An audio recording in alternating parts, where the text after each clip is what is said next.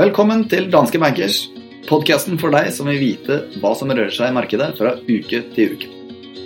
Mitt navn er Fredrik Ask Stensrud, og i dag så har jeg med meg vår sjefstrateg Christian Lie her i studio. Velkommen, Christian. Takk for det. En ny uke er gått, og et nytt land skal eh, få fakta presentert. Og i dag så har jeg valgt Polen. Eh, Polen det er det niende største landet i Europa. 35% av Polens befolkning, eh, eller innbyggere, lever faktisk i utlandet. Eh, du kan spise på Europas eldste restaurant i Polen. Den eh, ble åpnet i 1275. Og i Polen så er navnedag viktigere enn bursdager.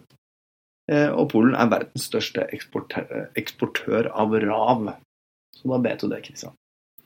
Hva er det som har skjedd denne uken her? Det som har skjedd denne uken, her, det er eh, det har vært en dårlig uke for, eh, for aksjemarkedene. Gjennomgående over hele fjøla, egentlig. Eh, og vi har hatt en kraftig renteoppgang i USA, faktisk den kraftigste siden november 2016. Og vi har fått veldig gode signaler fra amerikansk økonomi, men vi har fått skuffende signaler fra røkla verdensøkonomien utenfor USA. Hvis vi aller først ser litt på, på aksjemarkedet, så har det vært eh, bred nedgang eh, som nevnt. Og den viktigste utløsende årsaken til dette har jo vært eh, denne kraftige renteoppgangen i USA. Og fordi amerikanske renter har veldig stor påvirkning også på resten av verden, så har også globale renter også i Europa f.eks. Eh, løftet seg noe de siste dagene. Eh, det som eh, har utløst igjen denne renteoppgangen i USA, det er i første omgang to ting. Det ene er at vi fikk veldig sterke nøkkeltall fra amerikansk økonomi for et par dager siden. Både med tanke på industriaktiviteten og aktiviteten i servicesektoren i USA. Og hvis man legger industriaktiviteten og servicesektoren oppå hverandre i en slags eh, temperaturmåler, det er denne ISM-indeksen, så var den faktisk på det høyeste nivået siden eh, indeksen for tjenesteytende sektor ble etablert i 1997. Så altså eh, høyeste nivå på, på, minst 21 år. I tillegg så hadde vi denne ADP-rapporten, som er en sånn eh, arbeidsmarkedsrapport som ofte gir en liten pekepinn på hvordan eh, dagens tall kan bli når vi får arbeidsmarkedsrapporten nå om en, en drøy time. Og den var også veldig sterk. Og når man da ligger på veldig overraskende optimistisk uttalelse fra den amerikanske sentralbanken, som nærmest brukte litt sånn Trump-terminologi i forhold til å beskrive utsiktene for amerikansk økonomi, så er det klart at det forsterker bildet at eh, det er god fart i amerikansk økonomi, og at de amerikanske rentene kan stige mer enn det markedene hadde priset inn eh, fra før. Men du fokuserer på USA her. Men har det ikke vært ganske mye Italia-fokus gjennom den uken som har gått nå? Altså, Europa har vel underperforma de amerikanske markedene i en god stund nå. Eh, men den lesningen som jeg gjorde, i hvert fall om den uh, italienske gjeldssituasjonen nå, den taler ikke for at det bildet kommer til å forandre seg med det første. Nei, har, har, du noen kommentar til det? Ja, vi har hatt et par dager med lettelse etter uh, at finansminister Tria lyttet til investorene og kanskje også til EU, og nedjustert anslaget for budsjettunderskudd frem mot år 2021.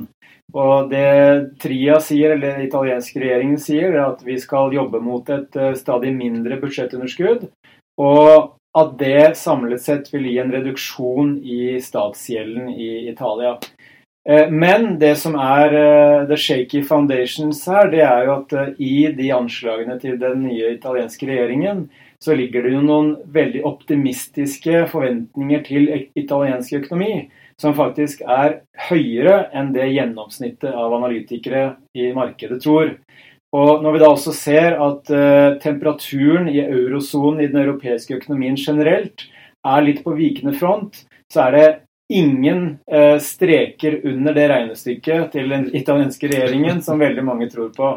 Og Derfor så blusser dette faktisk opp igjen as we speak i dag.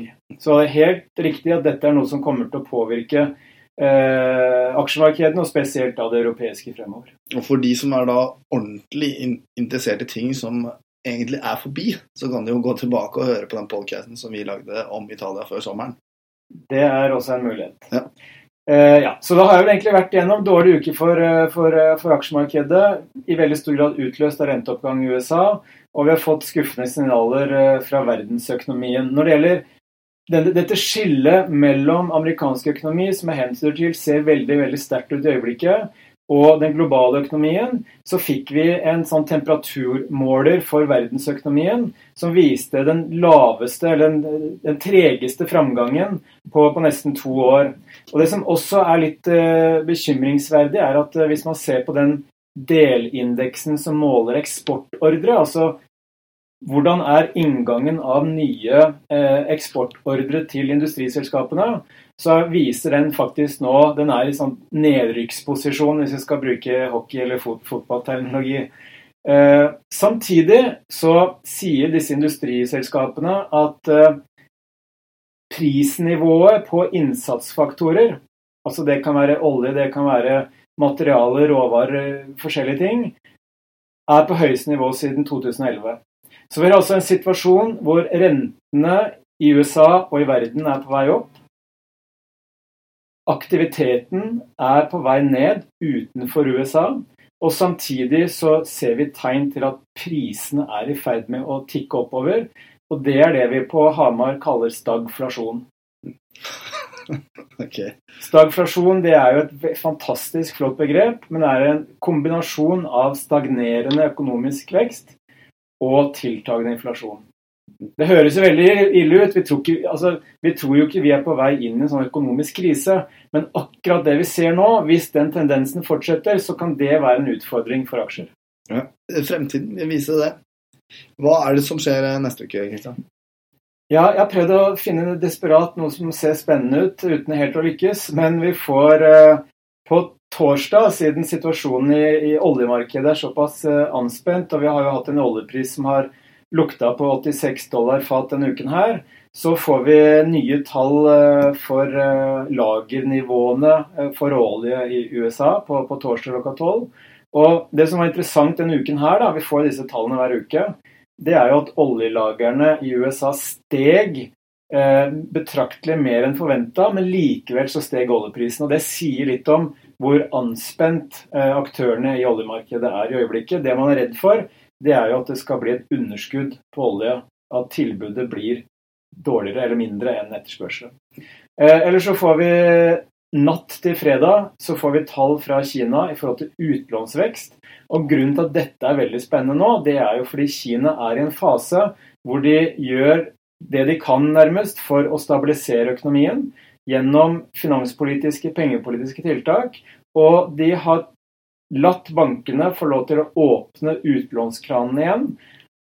Og dermed, Hvis vi da ser at utlånsveksten øker, så vil det etter hvert kunne gi en positiv impuls inn til økonomien, selv om det igjen vil rette spørsmål i forhold til det kinesiske gjeldsbergets bærekraft på sikt. Eh, og på Fredag også klokka tolv så får vi tall for industriproduksjonen i eurosonen. Og Grunnen til at det er interessant, det er at vi har sett at disse ledende indikatorene, de som skal si noe om hvordan industriproduksjonen blir frem i tid, de har vært veldig svake. Falt fem eller seks måneder på rad i eurosonen. Og Da blir det spennende å se om den faktiske industriproduksjonen også følger med i dragsuget, eller om vi ser tegn til stabilisering. Yes. Takk skal du ha, Kristian. nå er det jo liten tvil om at det er du som er eksperten av oss eh, i, i den eh, poden her. Men så tenkte jeg at jeg skal prøve å finne et område hvor jeg kan ha noe sannsynlighet for å slå deg i prediksjon. Da tenkte jeg at da velger jeg prediksjon på veldig kort sikt. For der er det veldig liten sannsynlighet at noen av våre kunnskaper har noe å si for prediksjonskraften. Derfor har jeg tenkt at vi skal ha en liten konkurranse nå ut året hvor du og jeg Norsk Tipping ligger jo på Hamar, vet du. Ja, det er helt sant. Men jeg vet i hvert fall at hver uke da, så må du og jeg velge om vi skal gå long eller short i enten olje, eh, det europeiske markedet, OBX eller SMP 500 i USA. Har du kalt det shorts? Short. Det kan vi forklare når vi kommer dit. Okay. Men uansett, vi velger først en av oss annenhver gang, og så måler jeg hvilken avkastning vi har ut året. Fra uke til uke. Så da spør jeg deg, hva vil du gjøre? Eh, jeg vil eh, neste uke vedde på at eh, den amerikanske VIX-indeksen stiger fra dagens nivå. VIX-indeksen, for, for, å forklare det, det er jo en sånn usikkerhets- eller fryktmåler for amerikanske aksjer som har vært på veldig veldig lave nivåer, og jeg tror den er i ferd med å stige. Han måtte selvfølgelig velge én indeks som jeg ikke nevnte i mitt, eh, mitt umiddelbare univers, men det er greit du skal få den. Så du går long i Vixen, eh, og jeg går short i Daxen. Da kan du forklare hva short er. Ja, vi må kanskje forklare hva en dags er, og det er ikke en hunderase. Uh, short det er rett og slett at man uh, vedder på at noe skal falle i verdi, og så kan man tjene penger på det. Uh, og dagsen det er da hovedindeksen for tyske aksjer. Riktig. Så får vi se hvordan det går neste uke. Det her blir spennende, Kristian. Takk skal du ha. og da skal jeg ta og oppsummere de viktigste tingene for neste uke. Men før jeg gjør det, så tar jeg som vanlig markedsbevegelse de siste fem dager. OECBX opp eller ned 1% SMP 500 ned en halv prosent. Eurostox 600 ned 2% og oljeprisen opp 3,5 De viktigste tingene for neste uke er at vi får industriproduksjon fra eurosonen på fredag klokken 12. Vi får eh, kinesisk utlånsvekst på fredag natt.